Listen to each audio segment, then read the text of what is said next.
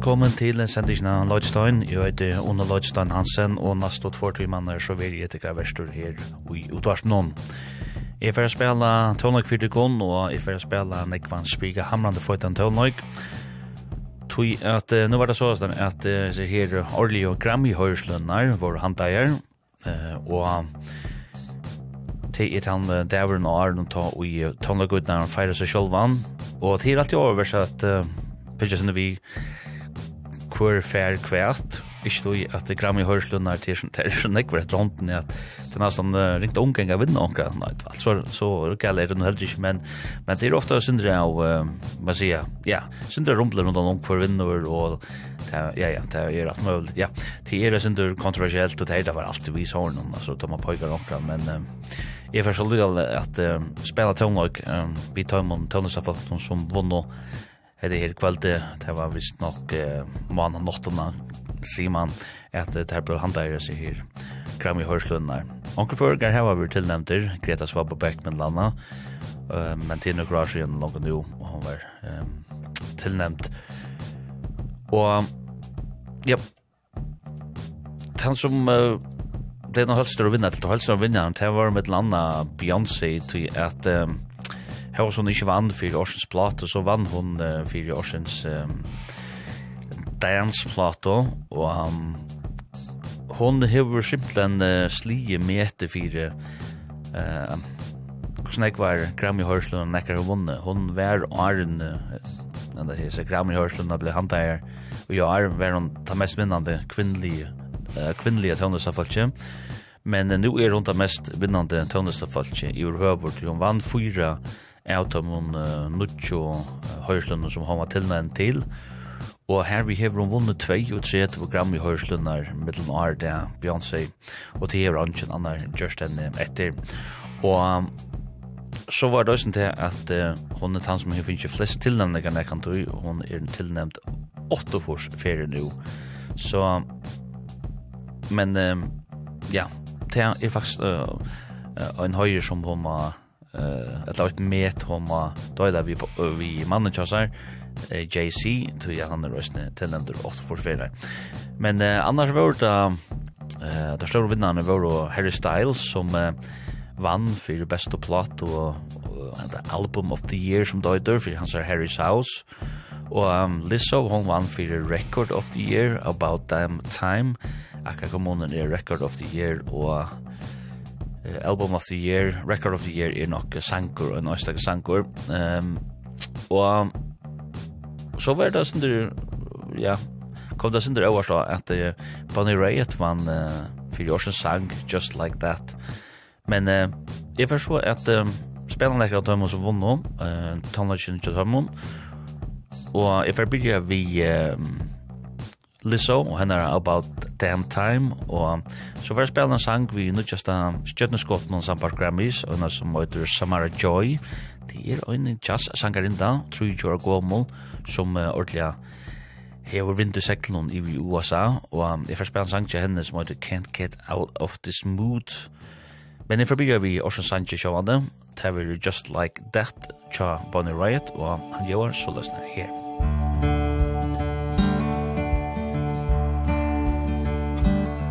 I watched him circle around the block Finally stopped at mine.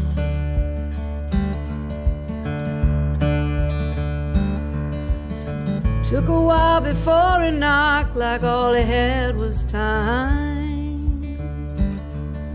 Excuse me ma'am, maybe you can help. The directions weren't so clear.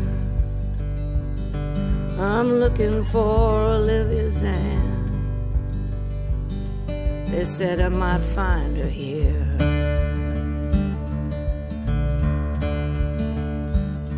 Well, I looked real hard and asked him what she's got he's looking for.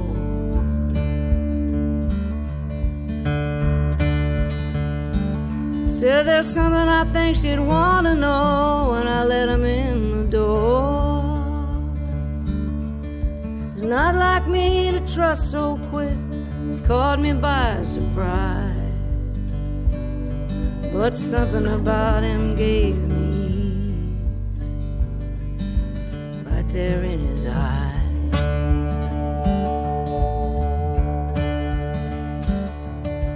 Just like that your life can change If I hadn't looked away. My boy might still be with me now you'd be 25 today. No knife can carve away the stain No drink can drown regret. They say Jesus brings you peace and grace. Well, he ain't found me yet. Na na na.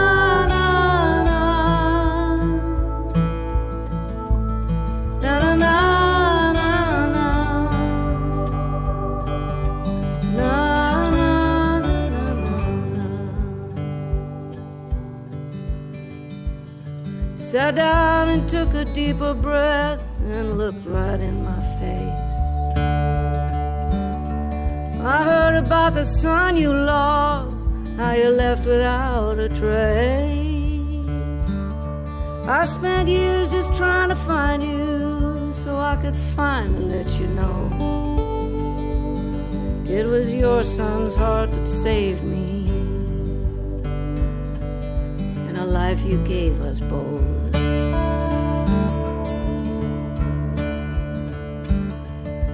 Just like that your life can change. Look what the angels send. I lay my head upon his chest. And I was with my boy again.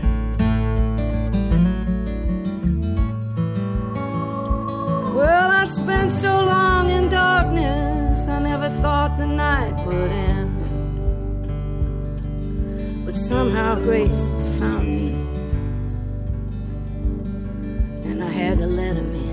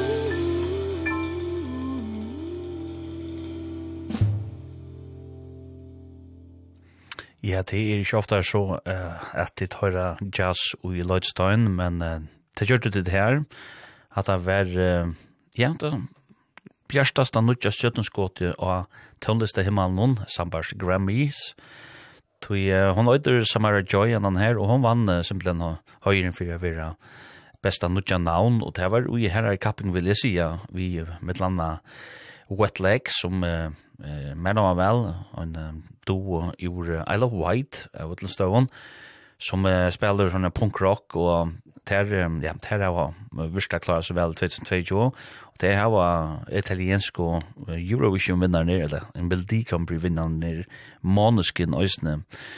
Uh, men uh, ter måtte uh, lukka som luta fire, disse her, uh, Samara Joy, og jo jo, Um, spennende er hun, ikke du, jeg du ikke vel med om jazz, men uh, jeg, jeg ble gått i hot ikke nær henne, og man domte vel, man domte vel sangen, og man domte vel lort etter Så spennende er å fylle seg her 30 år og gamle damene som um, er ur New York, og kanske er det vi liksom, at uh, få jazzen framåt och du, um, ja, fram at du hoa hjemme til unge folk rundt i, at um, Jo, jo, jeg halte i behøver, kan man si, at Rake 17 år, Rake 17 år, har vært just noen er fremme, og tror at det er nekver just tonelager som er blevet rettelig kjent. Men Arne Dord og Samara Joy og henne Can't Get Out of This Mood, så har du vidt uh, sangen About Damn Time, John Lisson, som vann Record of the Year, og ja, det er vel oppe på bordet, en fight og sanker, og Og annan her, um, Lizzo er en, ja, hun er powerhouse. Um, jeg har fyllt den lykka siden hun uh, for ur Minneapolis i Minnesota. Og blir jeg lykka som å gjøre varsvise.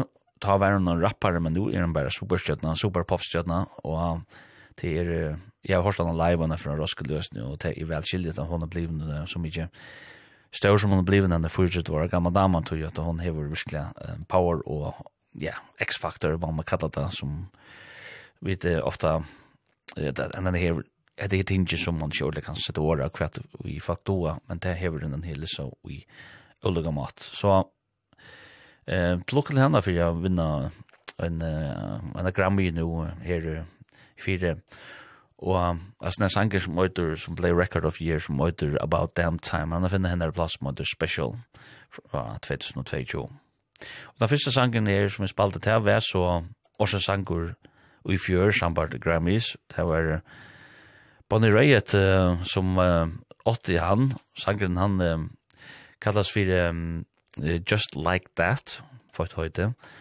Og um, det er en uh, sanger som uh, er finna av uh, platene som uh, og som heter som Just Like That, som kom ut i fjør.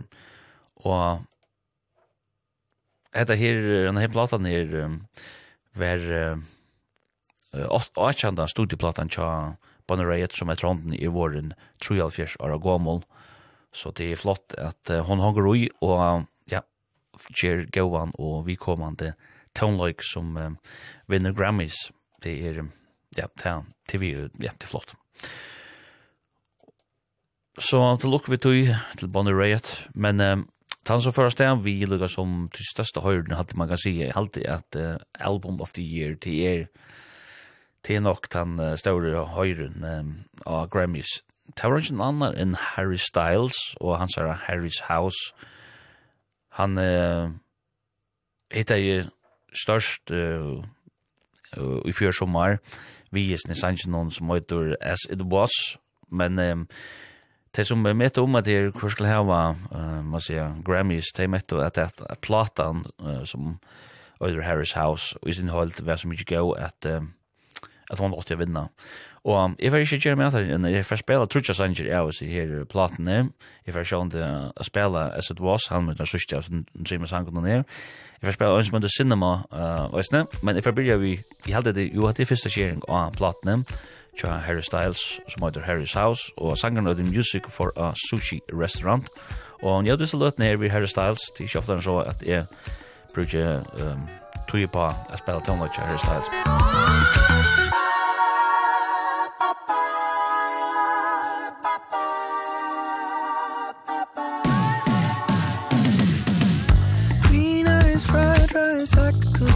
back on you Late night game time coffee on stove. Your sweet ice cream but you could use a flake or two. Blue bubble gum twister any time I don't want you to get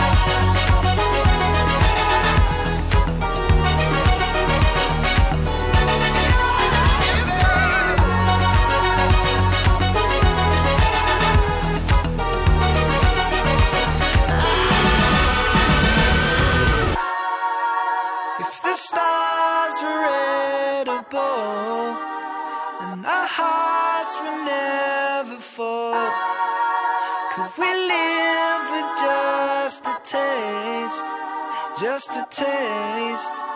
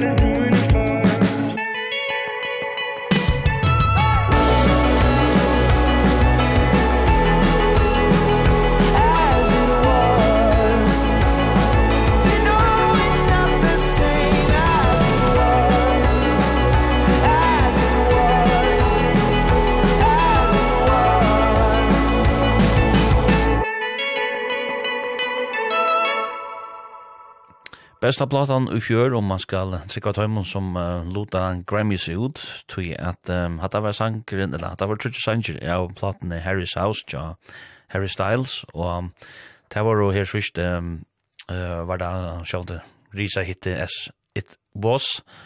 Så var det Arndt Cinema og Music uh, for a Sushi Restaurant. Og um, Ja, så det det känns skjuta om att det var en av de största utgåvorna för ja, Bedlandas ner As it was sanken han ända nummer 8 i Bay USA och England.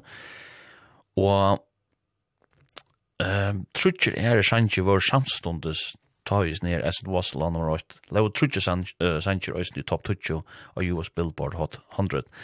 Det var Late Night Talking, Music for a Sushi Restaurant og så Sanger Matilda. Og det var Eh uh, först fyrir at en britskur uh, solistur uh, hefur gjørst här uh, jag Beatles har klara det så det man man jeva Harry Styles at um, det var det var flott. Og om fram att den här platan vann album of the year så vann nøysene pop uh, best pop vocal album. Eh her høyten og Grammy høyten og uh, er sindur, eller Grammy höjden och er sindur, uh, ja, om sånt stalt i det ringte skilje mittlen og kvætt og er rettla negg nekve trontene. Det syns så at, ja, ja, da man først blir at pilka for nekve i den alvan, og så, så blir det synd for, for komplicerat det som kommer ut, um, men uh, lett affæra. Um, tar man fram det här plattan i tenk kanskje den värsta nevna til till en som heter Kit Harpoon og Tyler Johnson og en som heter Samuel Whitty. Fra Orsens Plato så færa vi til en uh, ærer høyre som var latner ut til imisk folk. Jeg får spela en sang til Brandy Carlyle, som vann høyren fyrir best americana album for henne In These Silent Days. Og jeg får spela sangen av til platene som øytur Ride On Time, det er en sang som jeg faktisk har spalt rettelig ofta, så var för det gärna så är det ju stora fjäppar i oss när Bad Bunny och alla såna här som Kimbers sur tøy, men uh, det er så portorikansk en rappare som Bad Bunny, men uh, det er så øyla populært, og han vann jo òsne uh, flere priser um, av Grammy hör noen, så jeg får spela en sang vid tog för Jeva med Lusen Dörr eh, med Porto Bonito og etter sangren uh, her for hjelp fra en där dame som er eh, Corleone og runt lätt lettnavn, det er är lika som sån mafia film något sådant The Godfather. Um, Fornavn John er uh, Chencho, det er vet jag, spyrir mer.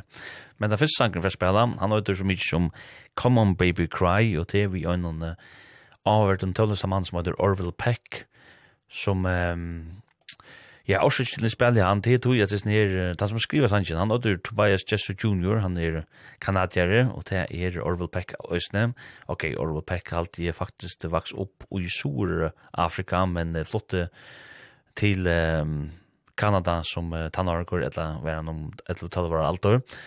Men uh, Snir Tobias Jesse Jr., han fikk uh, simpelthen en, uh, kan kan man kalla man da, en Grammy-høyrslun fyrir å være beste sangskriveren i 2022, og det fikk han til han skriva med annan den her, eh, Come on Baby Cry, men han har også skrivet tonelagt for Adele, uh, her, sang, her skriva han To Be Loved, og Can't I Get It, tja Adele, så han skriva, vi er gossi vi vil vidla skriva sangen tja FKA Twigs, som heter Careless, og Boyfriend tja Harry Styles, og Och är det så han har haft ett öliga viktigt och eh productive artist ner Sarah Sarah Donnelly Thomas Merrill i Kanada Tobias Jesse Jr.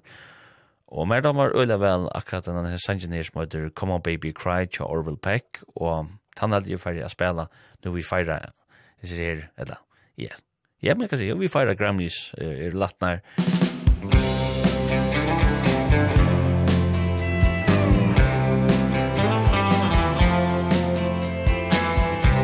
can see the sadness in your eyes.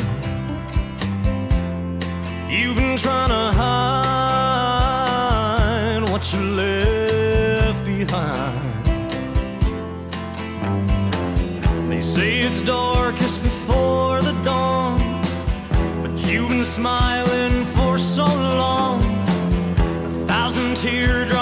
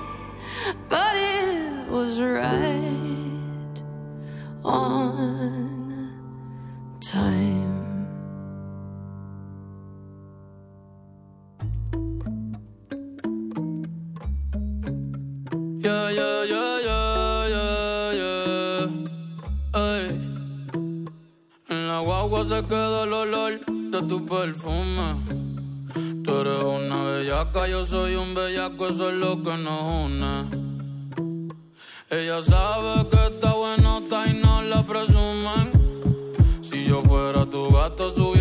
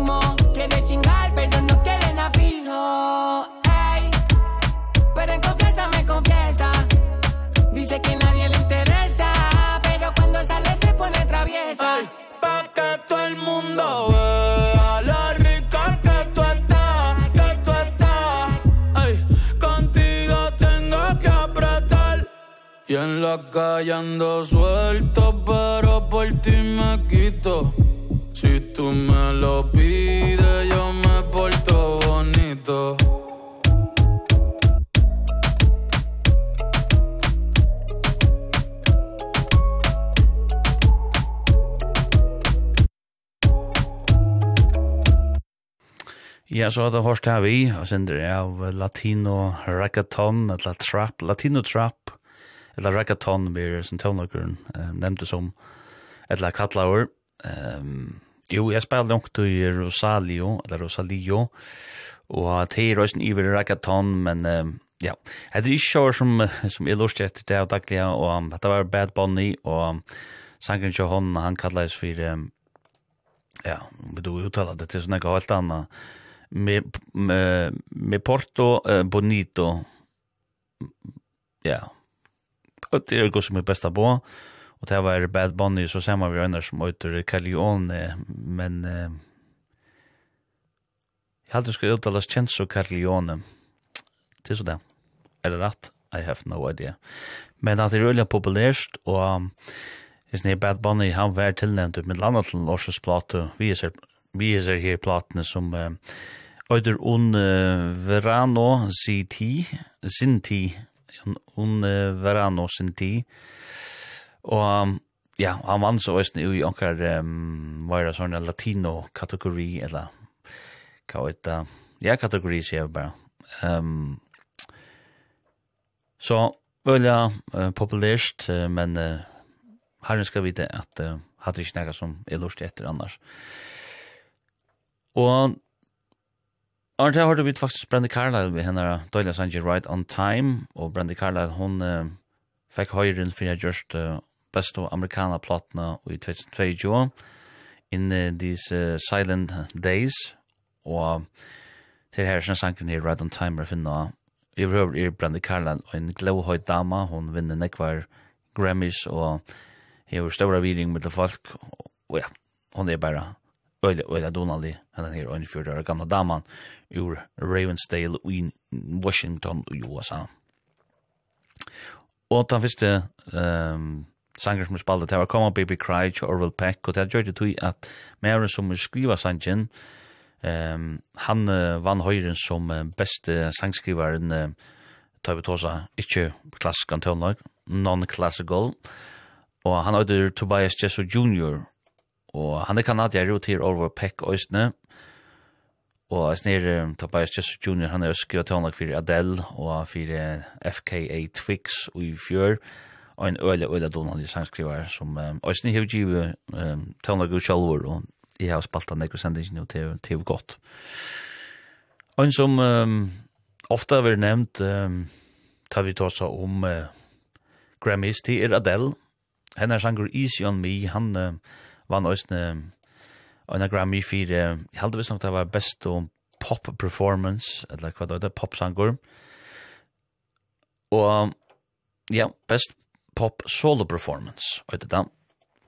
Jeg får spille han, jeg får spille Break My Soul til Beyoncé, som um, beie platan og sangeren og vunno eh, Grammy hører innenfor dance uh, uh. Uh, Men hon var også tillnämnd til uh, bästa plato, men det var nog ikke, og onkel för allt mer att det till det har sett spørsmål til kring vi kunde någon vinner akkurat tän liksom uh, tann høyren til hun vinner ofta nek var höjre hon er tann som nå har vunnet flest näkant då uh, men den här Beyoncé 35 og Grammy höjslöden har vunnet, og hun har tillnämnt åtta försvararna till öjligt höll.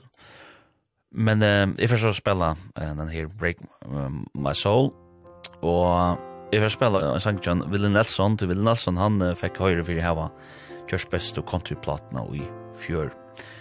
Så ja, vi begynner ved Adele, Easy On Me. There ain't no gold in this river that I've been washing my hands in for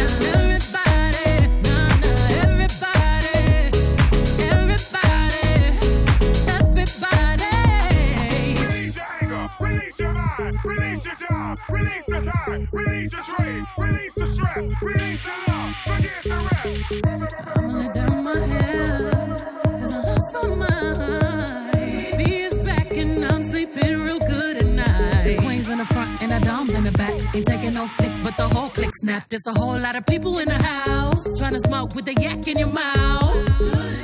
And we back outside. You said you outside, but you ain't that outside. Worldwide hoodie with the mask outside. In case you forgot how we act outside. And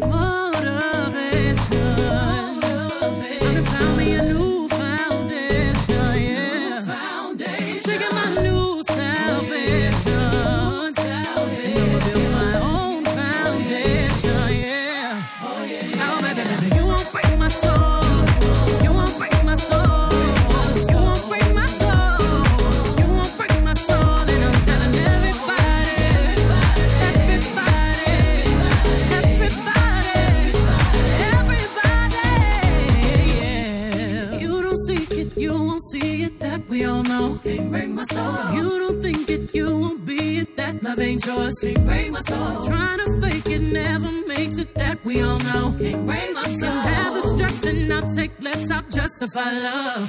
We go round in circles, round in circles Searching for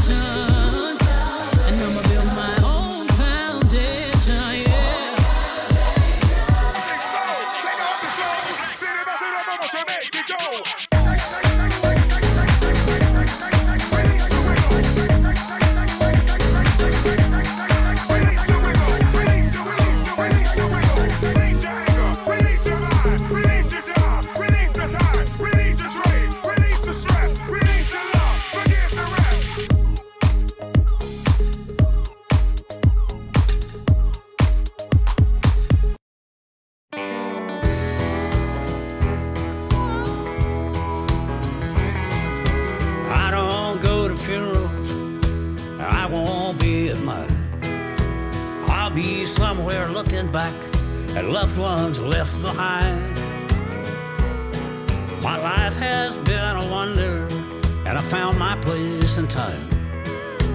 But I don't go to funerals And I won't be at mine. I'll be somewhere singing songs With all those friends of mine.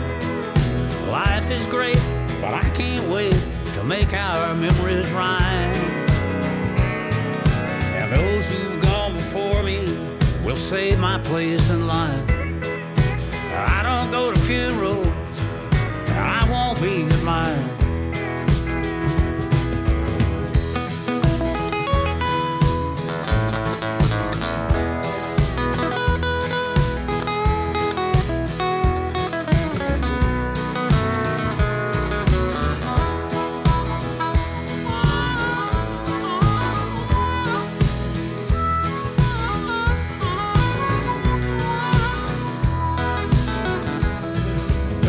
big old pick and party. But when it comes my time Me and Waylon, John and Chris And our sweetheart Patsy Cline. Merle and Grady and Freddie Powers And all those pals of mine. But I don't go to funerals And I won't be at mine. Somewhere I hear angel voices Singing in the wind. Praising how it won't be long Till time to fly again. Life is sweet and love is good And we have had a good time. But I don't go to funerals And I won't be at mine. No, I don't go to funerals And I sure won't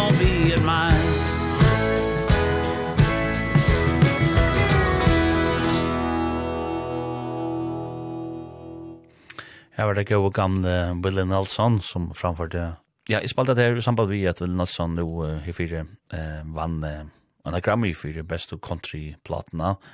Gå vidt hva nummer Grammy det er til Men, uh, men det er trolig at Maveren som er ferdig i Ufors er still going strong. Og ja, og vel til.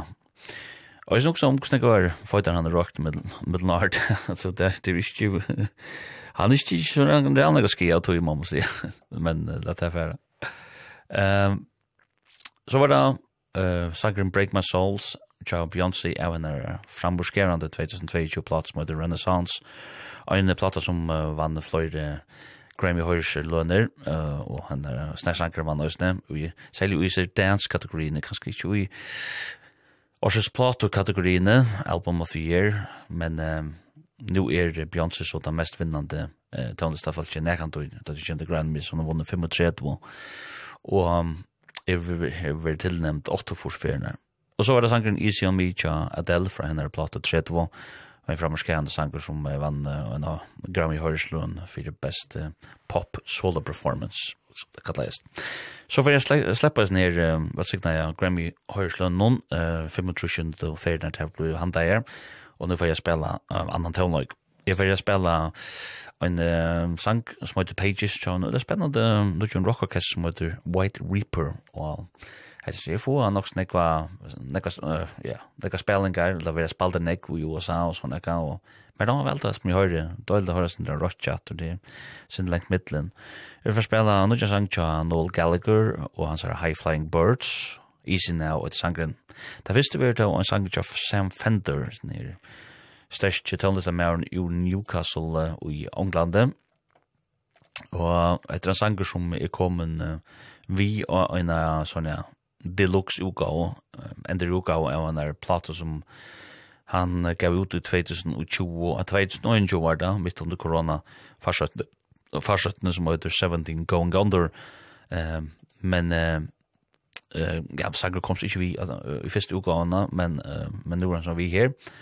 Og han har ut a little bull of blight, og jeg heldur særlig at det er øyla innelitt, og at det er øyla naturat, um, samvender og en gitar, og det snur seg om, uh, at det kvøa faktisk til om han her, tog at um, hon stod hon øyla nær, og hon døy mye der innspalt, og eh platna um, 17 Gone Under og um, hon platti at um, kalla han a little bull of light han var. Og som hei Quicksilver i reivne som vi pleier å si i fyrjunne ta han var baden og kom alltid rennand din og ja, boldrand inn og rann sin og alt mulig. Men en jødis er løtene her ved Sam Fender, han er Donnelly. Little Bull of Blight. Call me a little bull of blight Call me the twinkle in your eye You sing, Sam, I am washed his face in a frying pan And I was your little blue blind. Made sure that everyone was full. Whole life dedicated to his own Homesick a mile away from home. Made sure he never felt alone.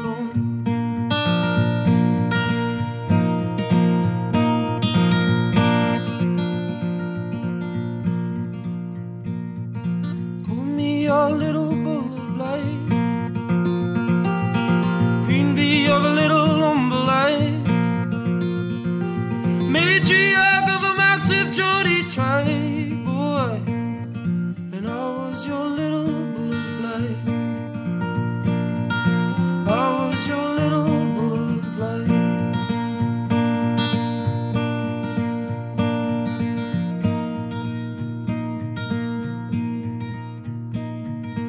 You may not recognize my face. You may not recognize my You may not recognize the little boy you raised But always your little blue blood. I'm always your little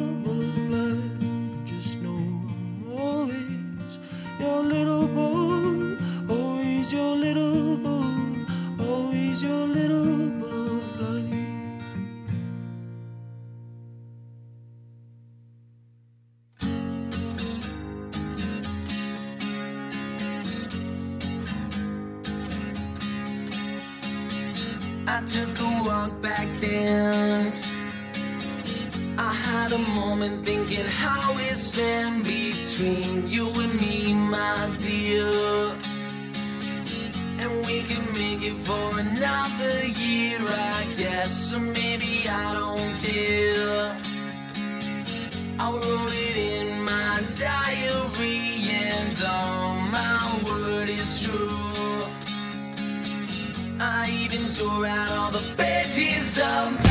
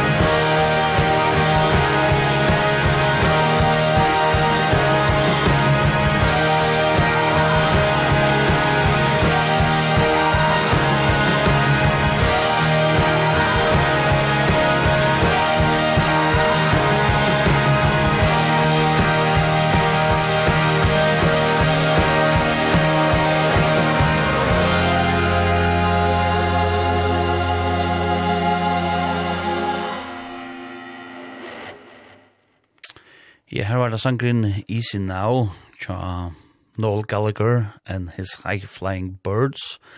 Og at det er en sanger som vi har finnet av kommande platene tja Noel Gallagher og hans her mannen, som um, fyrir døyda Council Skies, og det er en platene som uh, rør atra ungdomen i uh, Manchester, her da vokser opp han og bodgen uh, Liam, og Ja, teka sin saman om at du skal jo Arne Torluga som pakka av tasknar og flotta til London og bliv jo, uh, ja, heimskjenter i Bacchino Oasis. Og ja, det er um, fort, uh, mer om meg selv og kanskje lysen best det som Liam Gallagher gjør uh, så lom, men uh, det er godt at tøyre virkner spyr uh, Bodjaner som hava krutja svitla, eller klantra svitla krutja, sier det nå skoivor, men klantra svitla, uh, så innan mittlen og ikkje kunne finne det av at det endte stånda Oasis har vært alt kjerna vil hava det å gjøre det, men det ser ikkje ut til å bare bli til det. Men, uh, men jo, uh, interessant det er det er så omgant du så her foran er åt det reale stått til at høyre samler vitt der og YouTube og er det sanne, jeg tenker bare vi med oss til at det tar ro at også og svære fyrt sier foran er her. Iron Hurt og Noel Gallagher's High Flying Birds, så var det um, deilig uh, rockbalkur, White Reaper, som uh, uh, Jim Mormor om seg halde jeg, uh, og jeg skal lukka få kundikene fram her om han. Det er en amerikanskur garage- og punkbalkur, og etter da, og tar av spalt siden 2012, så tar er ganske, ja, tar er ikke så unge til det, men jeg halde det virka som om at tar nustande er vi ordelig få av i hörde mor og mor, må jeg säga.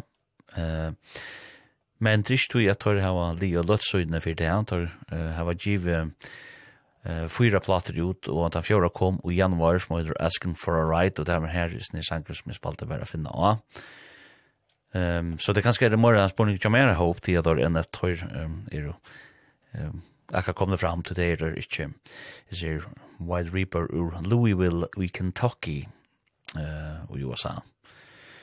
Så då är lite att man då allt väl att finna någon tonlag till något som helt mer Louis alltid det är närmast som jag mer först ofta som alltså visst vi man är är det som en en planta som kanske blir en Tottenham syndrom och så är det som få och sen drar vatten alltså det så upp upp det upplever jag till att upp det någon tonlag till att Ja, man rammer det vel.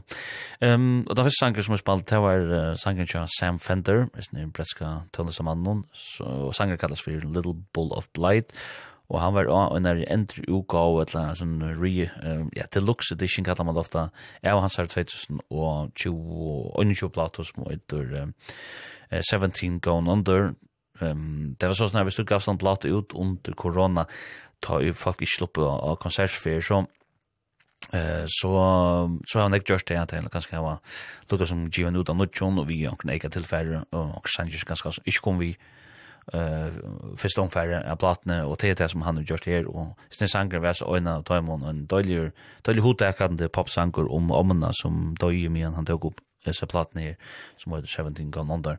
Sen vänder en en ulla folkslig ur tunnel som av folie att stå att han fevner ulla brott till bäger ja, ung som gammel og som kunne, um, ja, vil jeg si, jeg kunne tenke på en tøvner ikke til, så en, uh, og så ligger også, man sier folk som, Tega tøvna ikke nødvendig seriøs, det som er, hva kallar man det om omhallar og kvarsa søgn, døylig jo, øylig ekta og følelsen på mat og kjalt man er, og gjerne er popper vi er, sånn er hver nere. Nå, vi får så, att spela um, och sang tja, en som uh, spelar navn om Talk. Jeg det er en kanadier, nu spelar jeg Orwell Peck och Janne, som är kanadier. Men det är første spännande här som uh, spelar navn om Talk. Um, jeg ska uh, finne sin dere av um, kunnig fram om han, att det är er uh, nytt för mig her, uh, hva jeg vil gjenga. Det är her Talk, um, men uh, jag säger att Um, at um, han ganske kjem mer og mer fram, og at det er nok så interessant, at det er sin sort glam i ut i, og fjersar glam, uh, minner ikke uh, lydig om uh, akkur som Elton John kunne funnet på, Jeg kvittra vi sindri av bon, uh, David Bowie, skulle sia, og, og så sindri av forsa rotje, så fyrst og, og særlig uttrykk som er sånne her um, talk stendet fire, og um, ja, jeg får spennende sang til honom som uh, kom ut i godt nok 2020 alt igjen, ut Hollywood. Han er aktuell ved Nudjon, sang og nøysene, men jeg får spennende her Hollywood til honom. og man råner vel, her er masse av knotter og sånne kanadierne her. Og jeg får spennende Nudjon sang til Genesis Owusu, som uh, er uh, Get Inspired, det er framorskerende um, avant-garde nærmast, at det går sier cutting edge, um, pop, um, yeah, R&B, soul, popper. Men det første, det var en, en, en som trip down memory lane, som man sier, ja, en skån, um, Down by the River, tja, Body Miles, sanger som kom ut under John Draw, og alfjers, i alt bare til spika hamrande folk til, til du i spelt. Musikk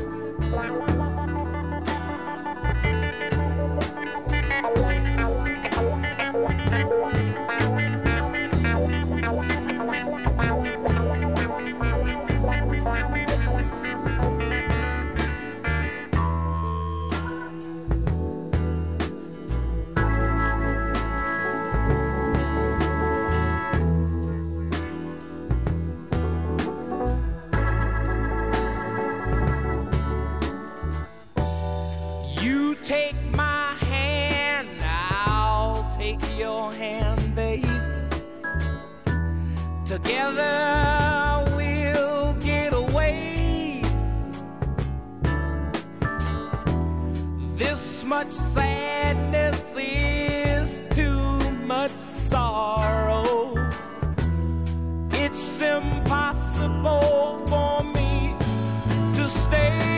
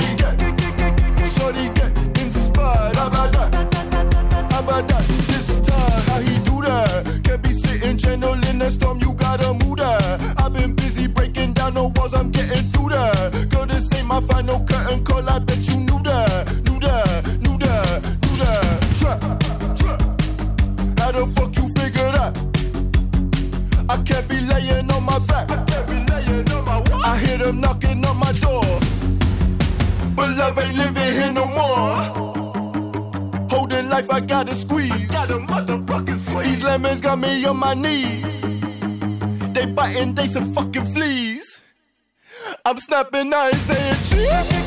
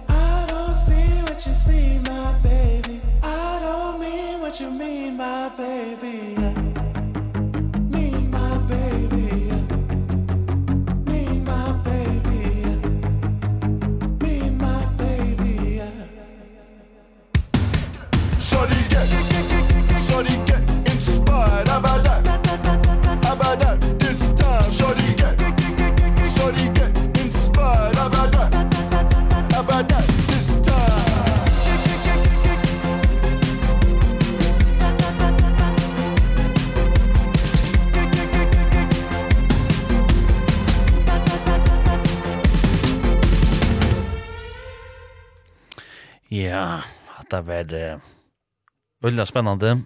Get Inspired, faktisk, og det gav meg utblåster. Eh, sangren tja Genesis uvuso som eh, er en øyla, øyla og spennende og hotekende tøvneste med år. Og det som jeg alltid ofte agender nekka det beste, eller nøkker de beste tøvneste folkene er til at jeg spiller tøvnlok som er som ikke er inn som det er, og du ikke ordentlig kan si ja, hva er det for nekka som han spalt er, at hva det er for sjankra, tror jag det här är så mycket är och att eh och det som jag vill liksom lyssna fram till att folk balkar det som tesen som uh, new wave punk eller short uh, men um, ja, det är ju hip hop uh, att det är nog blanda uh, ner future gamla Marin som uh, och brunna det är er, ur um, Ghana och är så flottur sen vi uh, familjen till uh, um, Canberra i Australien um, ta han var Lydel, så og han er er alvorlig og smyr av er fram og hever en ulla sterskan stil bei tendestlinjen men også på alle era måter uttrykk og kvarsa sånn og en lista med over i års ratta tøtning ikke mamma sier at Genesis, Genesis og Wusu er. Og ja han var balkar under hiphop funk eller punk rock punk funk? Ja ganske um, men um, hodekan og så alle hodet kan sanger og sånne her, Get Inspired. Um, Arne Flort og Get Inspired, så hørte vi det, um, um, tøndeste mannen, etter han som spiller navnet Talk, vi sanns noen som heter Hollywood, og sånn Talk er faktisk en kanadier. Og um, han um, øyder uh, så mye som, vi skal lukke å finne det, og hva som er nå han er, Nick Dorcher, Dor, Dor, Dorcher, Dorcher, Dorcher, ja, det er min beste på, det er O-R-O-C-H-E-R, Dorcher, Eh, men eh, spelar namn om Talk och bara nu är han hittar den störst vi har sent som Runaway to Mars som jag just för det kun ehm um, jag Sending sent som kommer. Men uh, hans sangen her at Hollywood, han kom nok ut i 2020, han snær sangen kom ut, og han la i kipan tjokken. Og det er spennende hodekgang til det som er nere som um, hever et uttrykk som um, la i tankene rett til um, glam rutschen og uh, halvfjers noen, men uh, i hele tøvnlistelig uttrykk var nok sånn, jeg tenker ganske forskjellig her. Og så spiller han seg røsten vi... Uh, Eh, jag vet inte det ner ja ja, vad ska man säga? Jag synte sort rymdar känt vi kostym och såna.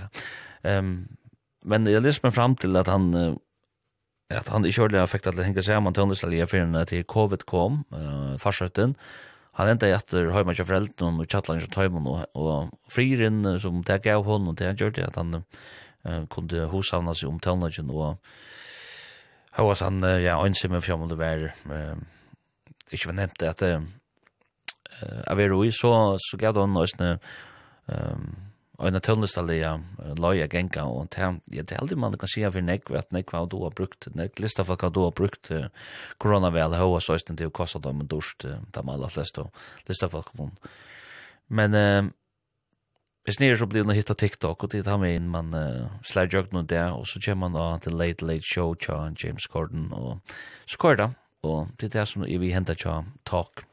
Ferdig du tjekkja nuten. Spennende, unge fyrir ned. Og den første jeg som Jim sangen her, det var en klassiker tja Body Miles, Down by the River. Da er det spela sin der klassikerne og alt jøsne. Du får spela, tror jeg sanger her, jeg får spela Black Swan tja Tom York, jeg får spela Sunset tja Caroline Polacek, Jeg får byrja vi Anudjan Sanjicha, Yeah Yeah Yeah, som heter Burning, og han er finna av Tarara eh, Plato, som uh, kom ut i 2022, som heter, um, så mykje som Cool It Down. Musik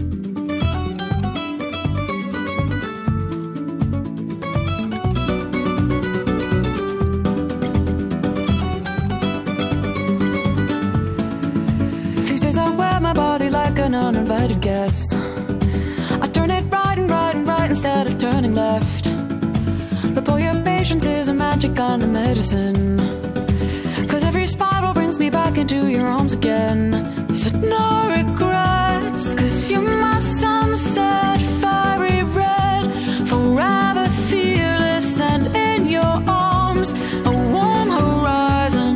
Don't look back let's ride away let's ride away.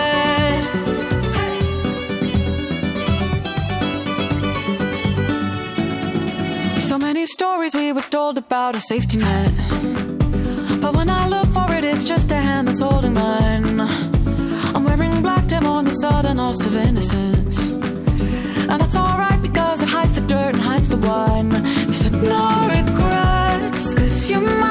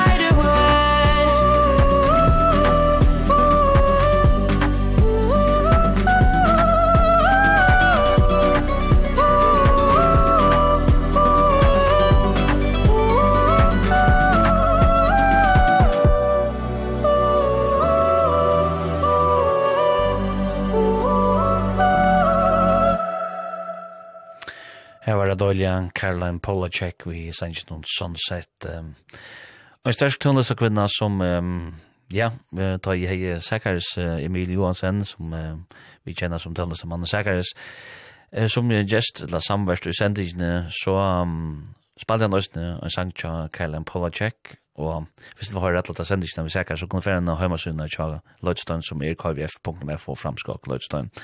Eh sendingen til Justin som Potter of Warsp, eh til Justin Spotify og jeg har også en Facebook og venka som Øyde Lødstein som de kan fære etter Dame og Døyla. Og um, Arne tar det Karen Polacek, så var det Tom York, og han sier Black Swan, og en, ja, nærmest, ja, kan man si, en nærmest klassiker i John, det, det ble det vel til, til ikke lengt fra. En uh, super uh, sanger i John, um, Tom York er i John, åtta med i uh, Radiohead, sangeren her, eh, men hetta hevur var man er just har solo. Og det fyrsta sem snu type sangur som spalte nú, ta var Burning sangur in cha, amerikanska rockbølsen non. Yeah Yeah Yes i New York. Sangeren finna av torrara uh, 2022 plato sum heter Cool It Down. Den første søyan er 2000 halte jeg visst nok det var. Cha Yeah Yeah Yes, og det er ulegg leiligt at tei er og virkje natter og køyra. Alt er interessant det som Yeah Yeah Yes kommer vi Um, du får gärna ska sända den her. Um, jeg får jeg faktisk enda. Og nu vet jag ikke, jeg får rønne klare, tror jag Sanchez chat if I spell on some other Trauma Queen, cha en um, baltje ur Minneapolis, Minnesota, som the Derry. If I spell um, ja, vad ska det ta her? If I spell en sang tja, en som heter Barnes Courtney, som heter Supernatural. Men det første, det var noe å si, jeg var liv i, um, jeg var livet vi eh, Grammys og Janne, men det var så ikke ordentlig lukket av alt, tog at eh, også Osborne, han kunne gjøre det her fire at eh, han nå gjøvst å spille konserter, holdt han hun ikke til det, han er blitt en fyra fyrs år, men her finner jo kan skia, som gjør at han ikke er så, eh, ja, ikke blir tid til hon, han kan gå renner rundt han her, og en paddle, og ja, man rundt så høyre, oss i, i, i Copenhagen, i 2018, det var døyligt at uh, han fått, finnes det vi i Østene, Men det ser ut som att det var så ja det var så det att honom men han hade inte Jevas vi att Jeva tona gud och han vann så eh för bästa rockplata och han sa patient number 9 um, här för hjälp ja ta plattan hon vann för bästa rockplata och i halte att jeg liksom også höra oss här her, nu tar han i given att spela konsert. Vi har spelat han sa Patient number 9, här har hjälp från Jeff Beck. Njø det der, og ja, um, allt det bästa och ja, så var det just nu. Eh Jeff Beck han uh, han får just nu i i Harran Center eh uh, nuchen där januari i i år så är det just nu. Sorglut och somata. Men uh, allt det bästa och visst jag vill höra så här sändningen och är en lodgestone sändning så kunde färja in hem och så sändningen som är kvf.net för framskog lodgestone. Tikon få finna det som poddvars på tikon kan nu. Uh, finna det Spotify, sendingarna, finna det här skulle det vara. Ha det gott, allt det bästa. Is there a way